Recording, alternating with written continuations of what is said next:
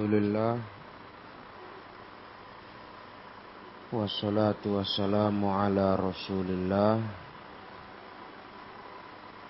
Wa ala alihi wa sahbihi wa mawalah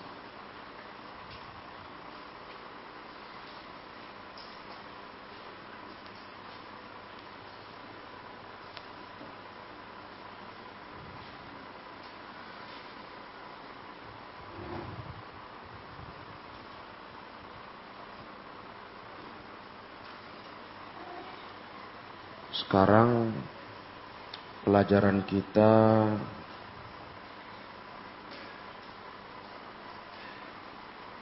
ayat ke-7 sampai ayat ke-8.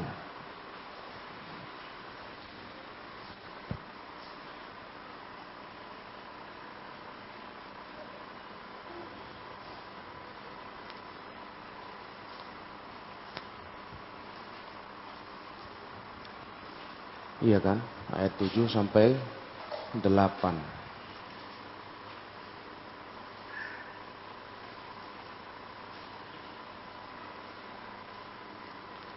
Allah Ta'ala berfirman Wa iz akhazna minan nabiyyina mitsaqahum wa minka wa min Nuhi wa Ibrahim wa Musa wa Isa ibni Maryam. Wa akhadna minhum mitsaqan ghalidha liyas'ala as-sadiqina an sidqihim وأعد للكافرين عذابا أليما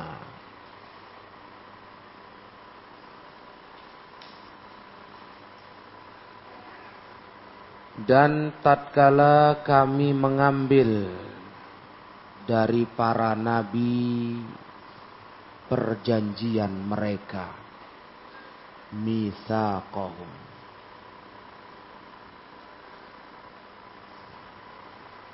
kami ambil perjanjian mereka.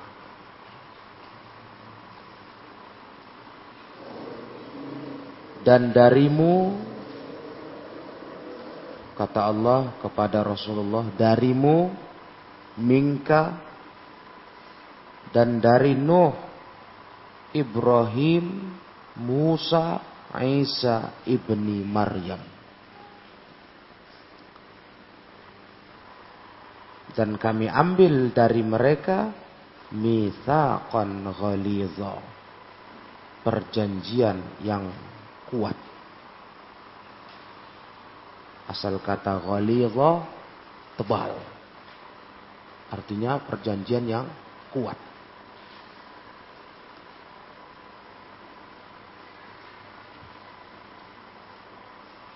Untuk apa itu lias ala sadiqina an sidqihim agar Allah menanyai orang-orang yang sadiqin, yang jujur tentang kejujuran mereka. Dan Allah mempersiapkan untuk orang kafir azab yang pedih.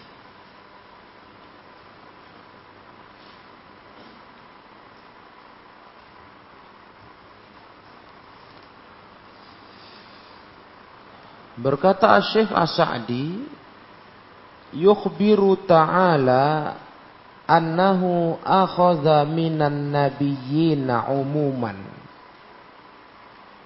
Allah Ta'ala mengkhabarkan bahwasanya Allah mengambil dari para nabi secara umum. Para nabi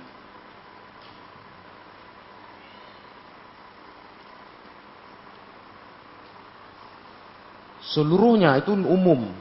Dari Adam alaihi salam sampai Nabi Muhammad sallallahu alaihi wasallam. Ada berapa jumlahnya? Jumlah yang disebut namanya. Perhatikan. Bukan jumlah keseluruhan. Cuma yang disebut namanya dalam Al-Quran. Ada 25 nabi dan rasul. Itu bukan seluruhnya. Itu hanya yang disebutkan namanya dalam Al-Quran. Berarti ada yang nggak disebutkan. Nabi itu. Ada. Makanya penyebutan 25 nabi dan rasul itu bukan pembatasan. Melainkan hanya yang disebutkan namanya di dalam Al-Quran. Allah ambil dari semua mereka perjanjian. Itu secara umum.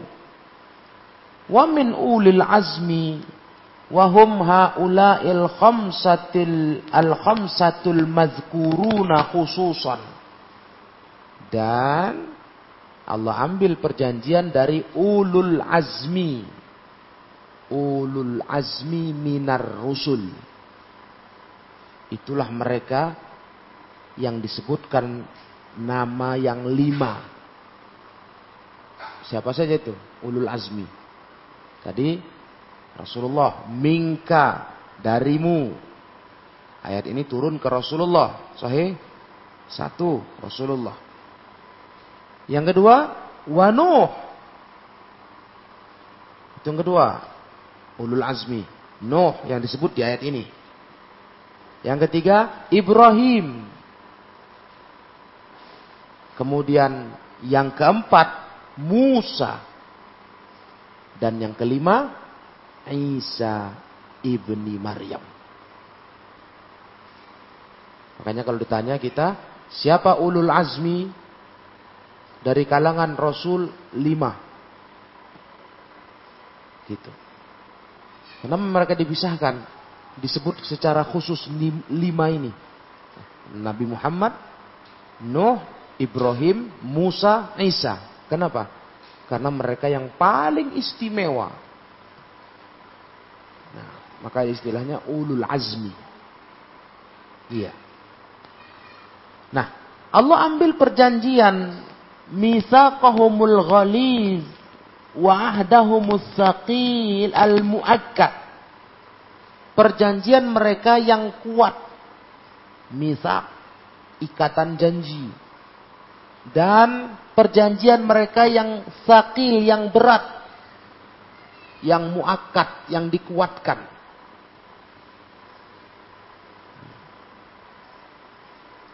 Jadi Rasulullah dan para nabi khususnya lagi ulul azmi itu diambil Allah janji. Janji kuat. Apa itu isi janjinya? Alal qiyami bidinillahi wal jihadi fi sabili. Nah itu. Janji itu adalah untuk menegakkan agama Allah dan berjihad di jalan Allah. Jadi para nabi semuanya terikat janji untuk menegakkan agama Allah, mengamalkan, mendakwahkan.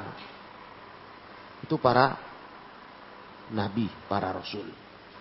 Cuma kalau dalam keterangan ulama, para nabi tidak diperintahkan berdakwah. Kalau para rasul diperintahkan. Tapi mereka semua menegakkan agama Allah. Itu perjanjian. Ikatannya kuat. Ghalil. Thaqil.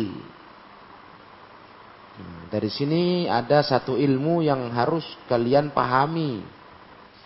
Bahwasanya terkhusus Rasulullah Shallallahu Alaihi Wasallam.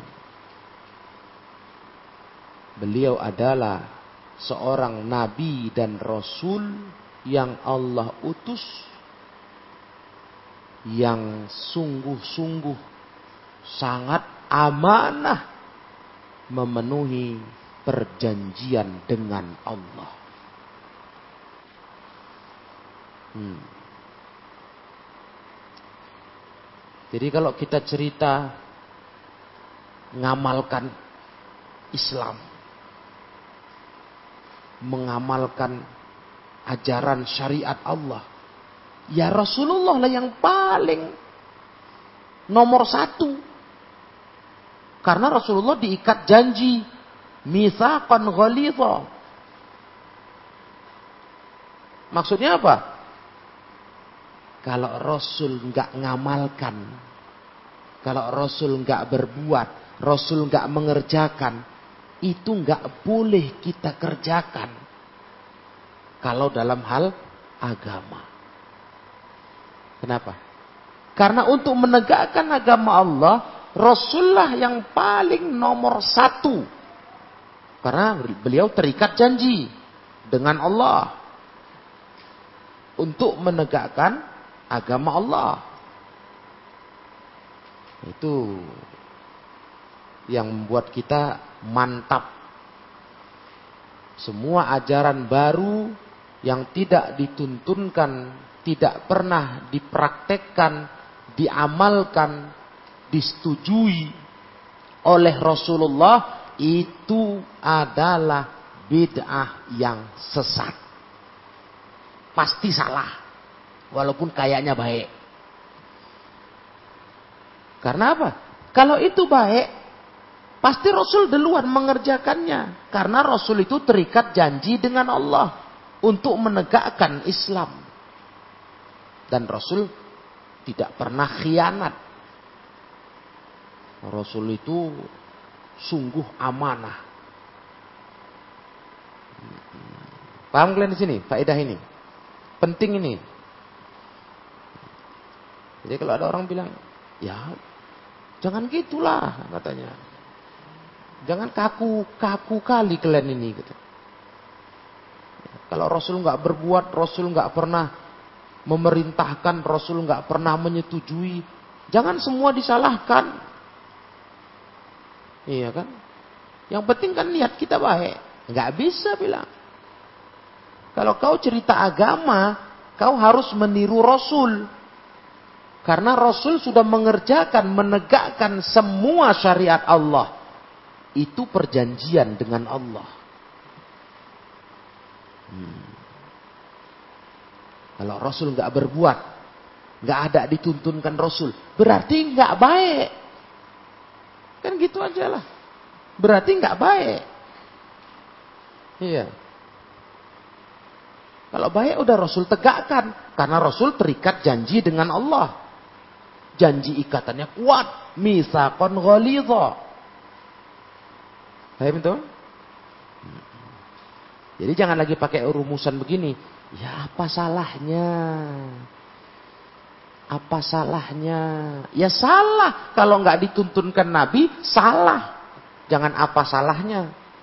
Salah. Karena tidak ada contoh. Dan karena Rasul, kalau itu baik, pasti sudah menegakkannya. Rasulullah itu terikat janji kuat kepada Allah untuk menegakkan agama Allah. Paham semua? Ini hujah. Hujah untuk kita dalam berpegang teguh kepada sunnah Rasulullah.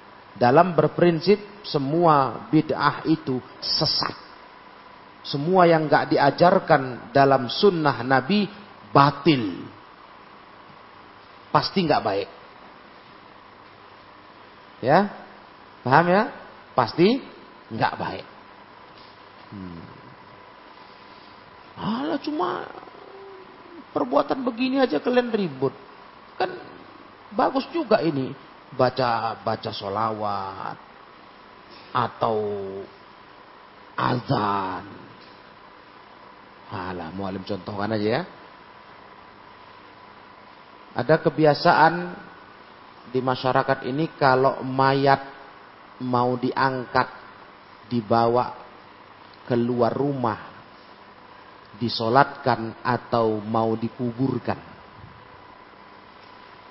Itu ada amalan di masyarakat ini itu sebelum berangkat yang bawa mayat itu diazankan dulu.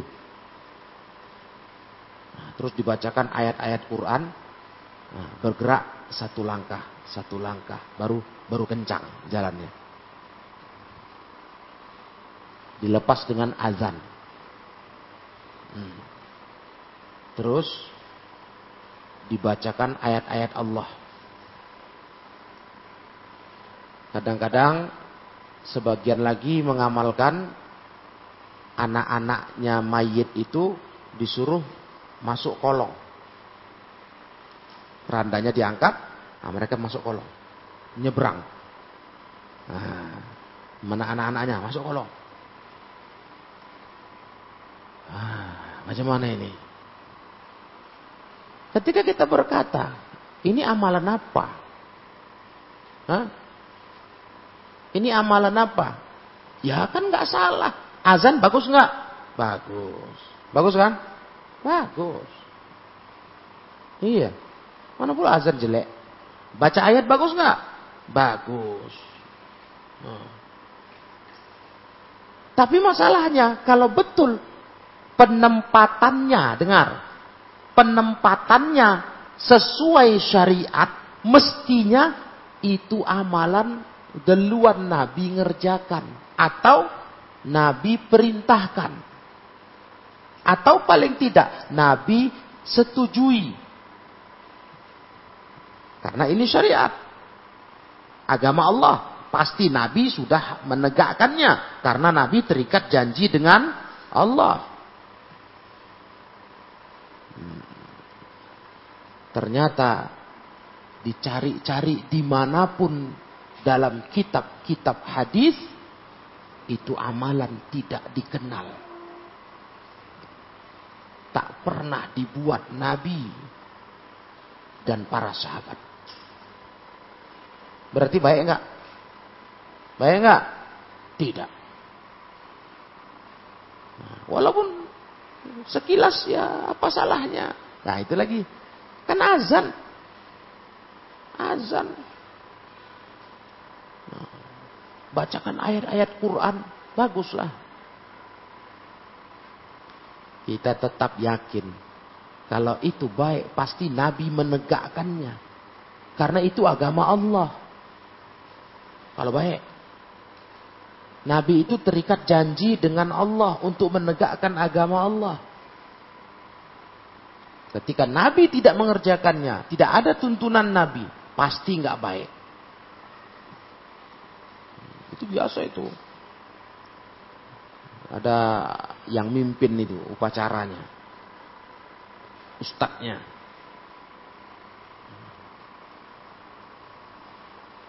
Sebelum berangkat dibegitukan mayat. Diazani. Bacakan ayat. Satu-satu geraknya baru lepas. Ini jelas amalan yang bukan bagian dari Islam. Karena Nabi nggak buat. Sedangkan kalau syariat, Nabi pasti membuatnya. Pasti, karena Nabi terikat janji dengan Allah untuk menegakkan agama Allah, untuk berjihad di jalan Allah, tabaraka wa ta'ala. Paham sampai di sini? Hah? Jadi kalian ingat-ingat betul. Nabi itu terikat janji kuat dengan Allah dalam amal dalam hal apa? Menegakkan agama Allah dan berjihad. Berarti Nabi itu dalam sepanjang hidupnya itu betul-betul mengamalkan, mengerjakan semua syariat Allah. Ditegakkan beliau. Berarti kalau Rasul nggak mengamalkan, itu bukan agama Allah. Itu aja. Selesai kan? Hah? Bukan agama Allah. Walaupun rasanya baik. Iya. Walaupun rasanya baik. Demai dibacakan ayat. Ya baik rasanya ya kan. Bacakan ayat, diazankan. Nah, tapi kalau nggak ada ajarannya, Nabi nggak mengamalkannya, apa itu? Kalau cerita baik, Nabi lah nomor satu. Karena Nabi terikat janji. Nah, Wa anna hadza sabilun qad masyal anbiya'ul mutaqaddimun. Jalan seperti ini sudah ditempuh oleh para nabi-nabi terdahulu. Nah, Jadi para nabi-nabi Allah itu sudah begitu hidupnya. Menegakkan agama Allah. Itu perjanjian dengan mereka. Allah mengambil janji mereka. Semua seperti itu. Seperti Rasulullah Shallallahu Alaihi Wasallam. Sama. Para nabi, para rasul. Hatta khatamu bisayyidihim wa afdalihim Muhammad sallallahu alaihi wasallam sampai mereka akhirnya ditutup. Ya, nggak ada lagi setelah ini terakhir nabi uh, sayyid mereka, tuan mereka dan yang paling utama di antara para nabi itu Muhammad sallallahu alaihi wasallam. Habislah setelah nabi diutus Habislah sejarah nabi dan rasul. Tutup khatamun nabiyyin, penutup para nabi. Rasulullah. Nggak ada nabi setelah beliau, nggak ada rasul setelah beliau. Yang mengaku-ngaku nabi dan rasul setelah beliau sallallahu alaihi wasallam itu adalah palsu. Ya. Itu adalah palsu, nabi palsu, rasul palsu. Nah. Wa amaran nas tidak bihim. Allah perintahkan manusia meniru mereka. Tirulah para nabi, para rasul dalam mengamalkan syariat Allah. Tiru mereka semuanya. Hmm. Dan semuanya sudah ada ajaran penutupnya yaitu Muhammad sallallahu alaihi wasallam. Makanya umat Islam gak usah bingung mau meniru para nabi, para rasul, cukup lihat Rasulullah, penutup mereka, para nabi, para rasul. Itulah dia sunnah beliau. Maka kita cukupkan hidup ini dengan sunnah Rasul. Hmm. Apa target hidup ini? Mencari ridho Allah. Itu target hidup. Kayak mana kita disayang Allah. Tidak ada jalan meraih ridho Allah kecuali kita mengamalkan syariat Allah. Bagaimana kita bisa mengamalkan syariat Allah? Bisa pas, cocok dengan mau Allah. Tidak ada lain kecuali dengan ikut sunnah Rasulullah. Itu. Jadi target hidup ini dulu yang dipahami. Makanya beramal itu bukan yang penting aku mau beramal, aku suka. Hah? Senang aku, bukan itu. Beramal itu tujuannya mencari ridho Allah, bukan asal aku suka, aku senang. Mencari ridho Allah, itu tujuan beramal.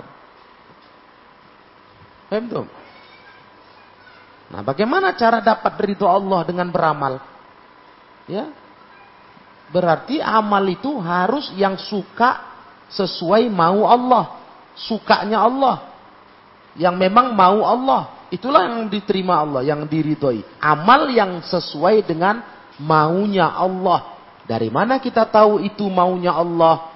Dari apa yang diamalkan Rasulullah.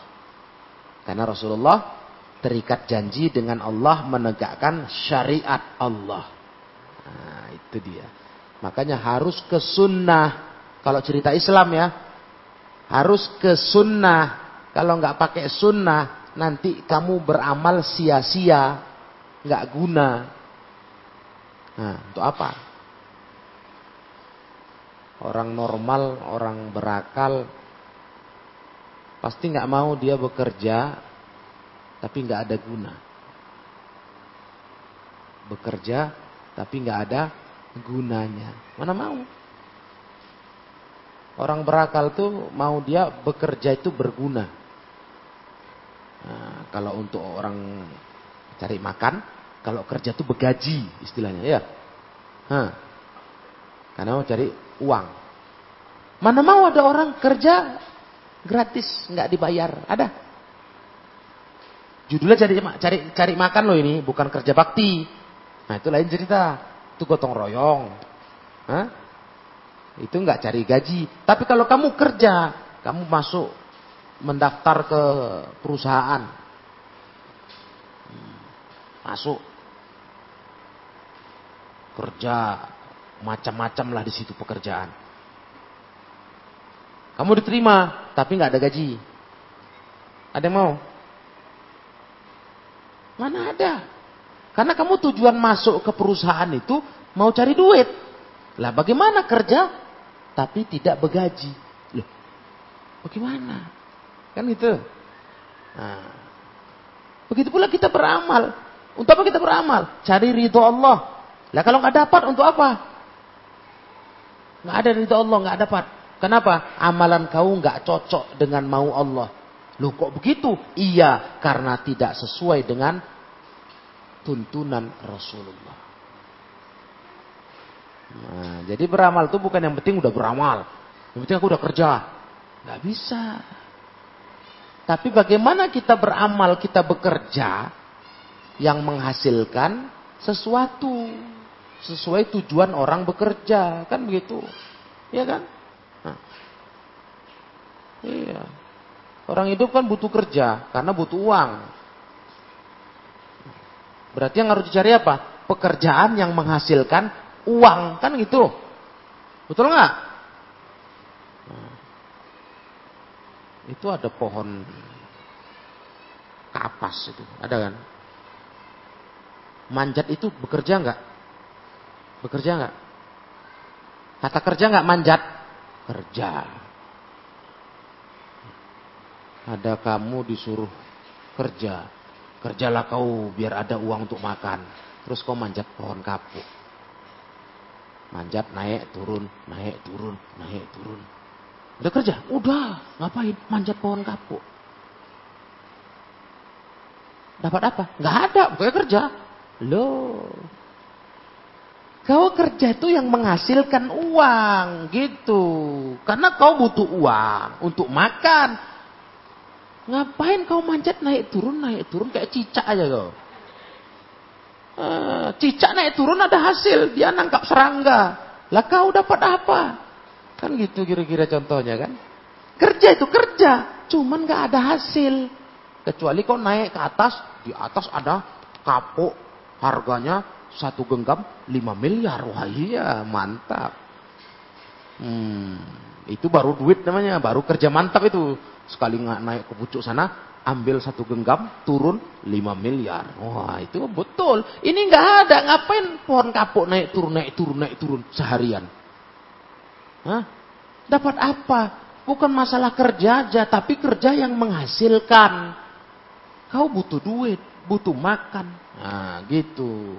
Itu pula beramal, bukan yang penting beramal. Aku udah beramal kok.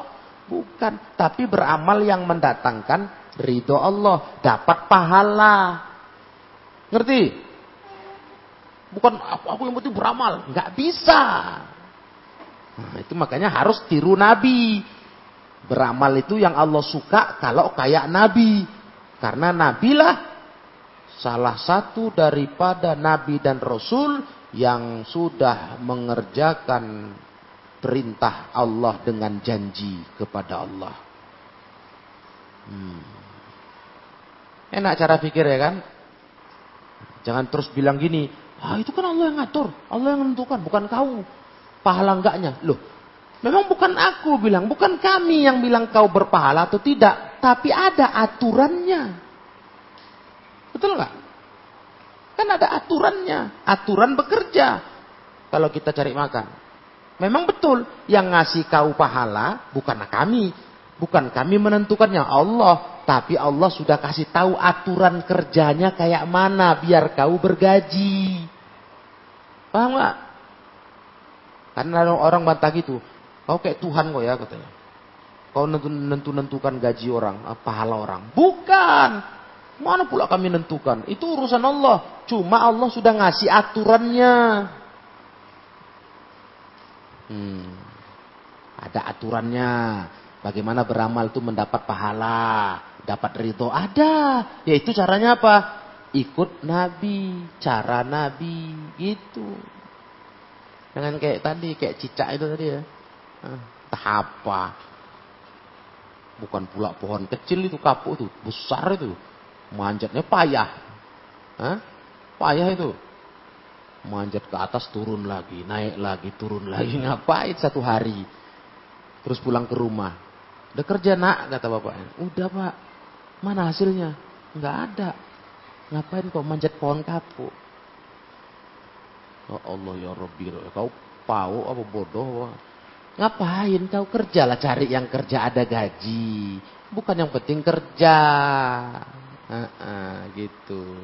Begitu pula beramal ya. Bukan yang penting beramal, tapi beramal yang dapat pahala. Udah, paham ini? Itu makanya ahlu sunnah itu anti bid'ah. Karena bid'ah itu bikin bodoh, bikin gak ada pahala. Nah, memang beramal, tapi gak ada pahala. Malah dapat kemurkaan Allah, sesat. Ya kan? Nah, ahlu sunnah gak mau bodoh. Bodoh itu namanya. Beramal gak ada pahala. Malah dimarah Allah. Karena menyalahi aturan Rasulullah Sallallahu Alaihi Wasallam. Lias alas sadiqina an sidqihim wa adda lil kafirina azaban alima. Wa sayas'alullahu al-anbiya wa atba'ahum. Allah akan tanya para nabi dan para pengikut mereka. Nah, kena pengikut mereka, kena. Kita pengikut. Nabi ngajarin kita untuk berislam. Ya kan? Allah akan tanya, an hazal ahdil ghaliz hal wafau fihi wasadaku tentang perjanjian yang kuat ini. Apakah mereka sudah tunaikan? Sudahkah mereka jujur mengerjakan? Ditanya nanti. Nah, nabinya ditanya pengikutnya ditanya sama Allah. Nggak main-main ini. Udah nggak kalian terikat eh, janji kalian yang terikat itu kalian kerjakan. Kalau Nabi udah jelas lah, udah sukses istilahnya. Nah, kalau kita umat Nabi, pengikut Nabi, nah, itu makanya beragama itu jangan suka-suka, nggak bisa. Harus betul-betul cari yang benar, bukan yang penting aku beramal, aku berbuat, aku beramal, nggak bisa. Aku sholat. Nggak bisa. Sholat yang kayak mana kau sholat? Udah betul sholat kau. Kayak Nabi. Udah sholat kok pokoknya. Nggak bisa. Iya kan? Aku sudah puasa. Aku sudah ini. Aku sudah itu. Iya. Udah pas kayak Nabi tuh. Udah cocok kayak Nabi. Udah belajar kok ilmunya. Gitu. Nah. Nanti Allah tanya. Udah ditunaikan belum janji itu? Udahkah jujur? bahum jannatin naim. Kalau sudah betul jujur, udah dikerjakan, Allah balas mereka dengan surga jannatun naim. Itulah enaknya kalau jadi pengikut Nabi. Dikasih surga. Nah, kalau betul udah kita kerjakan janji itu, yuk kita kok kena. Tapi itu janji para rasul. Kena lah karena kita umatnya. Umatnya para rasul khususnya Muhammad Sallallahu Alaihi Wasallam. Kita umat Nabi. Nah, dan Nabi sudah perintah kita untuk ikut kepada syariatnya yang dia diturunkan kepadanya. Iya. Atau malah am kafaru fayu'adzibahumul azabal alim. Atau malah mereka kafir, kufur. Allah akan tanya, kalau mereka ternyata kufur, Allah akan azab mereka dengan azab yang pedih. Ayo hati-hati. Hmm. Bahaya ini kalau sampai kita orang-orang yang kufur akan janji perjanjian dengan Allah. Kita nggak penuhi. Itulah ruginya kalau kalian nggak tahu sunnah. Berislam asal-asalan aja. Rugi kalian.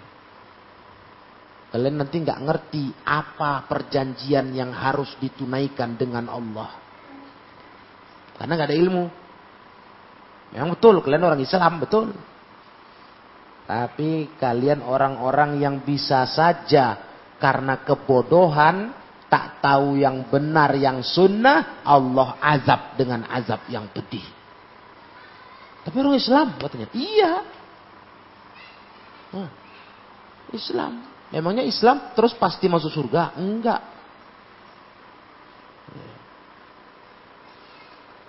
Bahaya ini. Makanya jangan sampai kalian tidak kenal sunnah. Itulah gunanya belajar nih. Dan di situlah istimewanya tujuan menuntut ilmu sunnah ini. Kita menuntut ilmu sunnah ini bukan target kita dunia. Hah? Target kita apa? I, kita ingin mencari ridho Allah. Biar tahu kita paham amalan ibadah yang benar kayak mana. Islam yang betul kayak apa. Itulah mau-mau kita belajar agama ini. Bukan cari dunia. Nah, kalau kalian sekolah umum, ya usia kalian, usia SMP, SMA, nah itu targetnya dunia. Dunia itu. Tamat SMA, dapat ijazah, ijazahnya dipakai melamar kerja. Biar dapat kerja, dapat duit. Nah, targetnya dunia sekolahnya atau bisa sekolah perguruan tinggi. Untuk apa? Ya itu juga. Nanti lulus, ah, dapat ijazah, dapat gelar, bisa daftar kerja. Kerja dapat duit. Nah itu targetnya. Itu kalau sekolah umum. Tapi kita di sini bukan itu target kita. Kita mau apa? belajar agama, tahu ilmu, tahu yang benar, tahu Islam yang yang sesuai sunnah, beramal, dapat ridho Allah. Loh, jadi kalian nggak butuh dunia, nggak ada kan niat dunia. Oh tenang, dunia akan ikut kalau kita mengejar akhirat. Dengar itu kalian. Nah, orang akan tanya sama kalian, loh, jadi kalian nggak ada target dunia? Ya ada. Cuma dunia bagi kami jangan lupa sekedar itu. Agama ini yang nomor satu. Ngerti? Dunia jangan lupa. Dan kami mengejar akhirat, belajar agama, kami yakin dunia ikut, ikut. Dia nyari kami. Gak kami nyari ngejar-ngejar dia. Dia nyari kami. Datangin kami. Tuh prinsip tuh. Jangan lupa kalian. Dunia itu sifatnya begitu. Kalian kejar dia lari. Kalian cuekin dia, dia datang. Nah, itu dia. Kalau kalian kejar, kalian cari, aduh. Bukannya kalian makin giat, makin pasti banyak, nggak bisa. Itu rezeki Allah itu sebenarnya semuanya. Allah yang atur. Berapa banyak orang peras keringat. Banting tulang. Sikit duitnya. Banyak pula orang santai-santai. Ongkang kaki kata orang. Tidur-tiduran. Banyak uangnya. Iya kan? Kaya. Ya begitulah rezeki. Nah, jadi masalah dunia itu enggak itu target kita. Iya. Lagi pula urusan dunia itu menjadi sebuah apa? Menjadi sebuah fitrah tuntutan hidup. Mesti dicari. Enggak perlu diingatkan, dicari. Karena butuh kita butuh hidup, butuh makan. Tapi kalau agama, kalau enggak betul-betul kalian cari dia, kalian pelajari, kalian gak akan bisa mendapatkannya. Lupa. Ditinggalkan dia. Ya, jadi begitu. Kalau sempat kufur akan janji Allah, Allah azab dengan azab yang pedih. Allah berfirman, Minal mu'minina rijalun sodaku ma'ahadullah alaih. Ada di antara orang beriman itu yang mereka itu jujur atas apa yang mereka ambil janji dengan Allah tabaraka wa taala. Jujur berarti tidak bohong, tidak dusta. Serius gitu ngerjakan janji itu. Sodaku. Itulah sifatnya para nabi dan rasul. Perjanjian itu sudah Allah tegaskan dalam Al-Quran. Memang nggak tertulis kayak di kertas perjanjian kita yang biasa di dunia. Pakai materi. Enggak, enggak begitu. Tapi lebih kuat dari itu. Perjanjian kita sebagai hamba Allah dengan pencipta. Nah, jadi sekarang kalian ini dididik untuk menjadi orang yang jujur. Jujur mengerjakan janji kepada Allah. Itulah belajar agama ini. Jadi kita jujur, tahu tahu tugas istilahnya, tahu tugas. Gak lupa diri di dunia ini. Tugas kita apa? Mengerjakan janji dengan Allah, mengerjakan agama, ikut kepada Rasulullah. Ini nggak bisa kalau nggak belajar, nggak dapat ya. Kalau kerja dapat, insya Allah.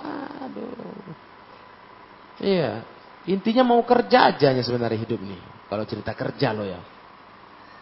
Kalau cerita cari duit, ada aja, nggak perlu kau punya keahlian hebat-hebat oh, punya gelar tinggi.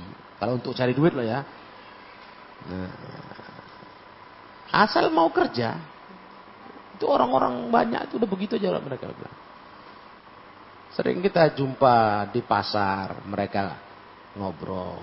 Nah, ya. Gimana sekarang kata kawannya? Gimana? Gimana kerjaan? Asal mau kerja ada aja katanya. Hah, Masya Allah, mualim dengar aja. Tersentak juga itu kalimat dia. Masya Allah ya, paham dia. Yang penting mau jalan katanya. Adanya itu katanya. Nah. Ya kan? Mau gerak. Kalau cerita dunia dapat. Adanya itu. Cuman kalau kau tidur ya nggak ada lah. Asal mau gerak aja. Ada aja celah duit itu kata orang. Asal mau jalan. Istilah orang gitu. Asal mau gerak. Nah, Intinya di kita. Kalau cerita dunia itu begitu. Mudah itu. Yang penting mau gerak. Nah, ya. Oh, tapi hasilnya kan nggak nggak kadang nggak besar nggak cukup. Ah itu relatif. Relatif itu. Kalau cerita cukup nggak cukup tergantung dirimu, jiwamu. Yang pernah Mulim bilang apa bahasanya? Hidup tuh mudah, murah. Yang mahal tuh gaya. Itu mahal. Gaya. Mesti punya ini, mesti punya itu. Nah itu yang mahal. Kalau kau jalani hidup nih apa adanya, sifat kona'ah, zuhud, mudah. Apa ada, syukuri. Ya kayak Nabi ajarkan, gampang. Banyak syukur, sikit syukur, ya gampang. Tapi kalau kau hidup dengan ketamakan, dengan nafsu menggebu-gebu untuk dunia, budak dunia kau, maka kurang aja. Mana ada cukupnya. Memang kalau kita cerita di dunia ini kita betul-betul bermain, mana cukup-cukupnya? Mana cukup? Ini sekarang kalian ada yang punya tabungan puluhan juta, nggak ada kan? Nah. Ya, ini kita misalkan aja nih. Macam mana bayangan kalian kalau ada kalian sekarang dengar ah gini kalau kalian dengar ada orang banyak banyak duit terus terbayang kalian andai kata aku punya uang waduh dikasih aja aku duit sejuta aja cukup lah aku ya misalnya karena selama ini paling-paling megang seratus ribu ini sejuta cukup lah aku itulah kalau belum megang udah terpegang satu juta Aduh, ini kalau dua juta lebih mantap ini. Begitu, nggak bisa nggak itu, nggak bisa nggak, nggak bisa terus. Ah cukup, cukup, cukup. Naik rezekimu dua juta tertabung. Kurang lagi, ais dua juta. Kalau tiga juta mantap lagi, lebih mantap. Begitu terus. Sampai udah 10 juta. Bayangkan banyak kali berapa? 10 kali lipat dari angan-anganmu semula. Wah 10 juta. Tapi masih kurang. Soalnya kemarin aku kepengen beli kereta 15 juta. Wah kurang 5 juta. Nah, itulah dunia sadar kalian. Nggak ada dia kalau di, dikejar nggak habis-habis. dapat 15 juta. Alhamdulillah. Aduh, kurang juga. Kenapa? Kemarin kepengen kereta bebek. Kok sekarang ingin kereta jantan, kereta besar. Kurang. Banyak lu kurangnya. Wih, pening. Akhirnya stres kau. Nggak cukup-cukup itu diturutin, nggak cukup. Tetabung rupanya sampai tetabung kamu, masya Allah, 20 juta, 50 juta, udah lain lagi seleramu, nggak lagi cerita mau kereta, mobil lagi. Ah, tengoklah dunia ini, mobil 50 juta. Karena kalau kereta udah ke kelebihan ya kan, udah kelebihan lah. Tapi mobil 50 juta dapat mobil apa? Bisa-bisa nanti sejak sehari jalan dua hari mogok. Nah, ya kan? Wah, berarti harus cari lagi nih yang 100 juta. Wah, wah, wah. wah ya sudah. Nggak habis-habisnya. Hmm. Ngeri. Bisanya makin berduit makin kekurangan kita. Aneh kan?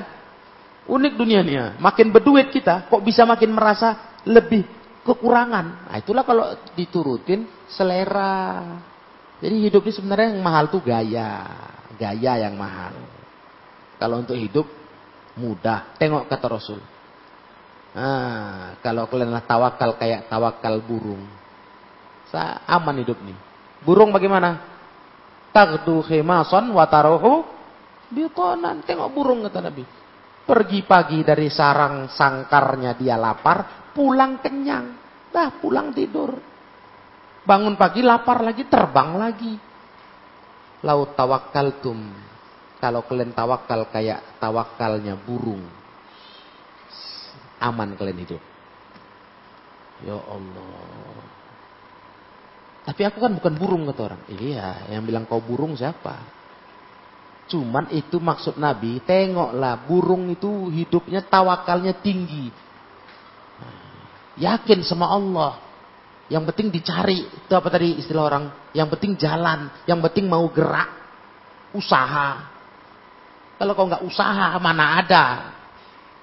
Itu dunia. Dunia ini gampangnya sebetulnya. Betul, gampang. Yang susah tuh kita bikin susah diri. Nah, target kita kebesaran. Besar kali target kita. Ya pening lah. Uang tuh nggak ada cukup. Merasa sikit, sikit. Udah miliar pun duit itu sedikit. Apa? Nah, Udah diincernya pula lagi rumah mewah. Bermiliar-miliar. Uangnya satu miliar. Satu miliar banyak nggak? Banyak. Cuman satu miliar mana cukup mau beli rumah lima miliar. Empat lagi mau dicari. Bayangan kalian tuh. Botak kepala nyarinya tuh. Hah. Satu miliar tuh banyak itu. Uh, banyak itu. Berapa nolnya? Nol aja banyak. Hah? Tapi selera kau dirubahnya sama setan. Bukan mau cari rumah 500 juta. 500 juta kan lebih. Lebih setengah, ya kan? Betul? Tapi ditargetnya 5 miliar yang mau ditengok, yang mau diselerain. Ush, aku mau rumah ini. Tengok duit 1 miliar, kurang 4. Pening, stres, gila bisa. Bisa pula orang punya uang satu miliar gila. Ya macam mana gak gila? Selera kau kau, taik, kau tambah.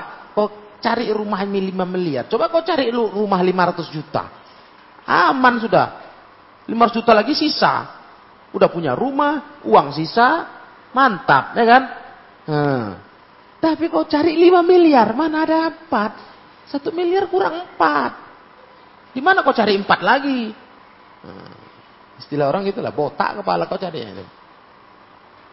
Gitu, hidup ini begitu. Yang mahal tuh gaya. Nah, kalau hidupnya gampang, murah, murah. Nah, paham ya? Jadi begitulah pelajaran kita. Jadilah hamba-hamba Allah yang jujur beragama, ya. Yang jujur beragama, jujur mengerjakan janji dengan Allah tabaraka wa taala. Nah. Nah, jadi dua ayat saja pelajaran kita di sore hari ini ya. Ahad depan kita normal ya. Insya Allah kita masuk hari Kamis. Karena besok mulai muf. Ilahuna subhanakallahumma wa bihamdik ashhadu an la ilaha illa anta astaghfiruka wa atubu ilaik.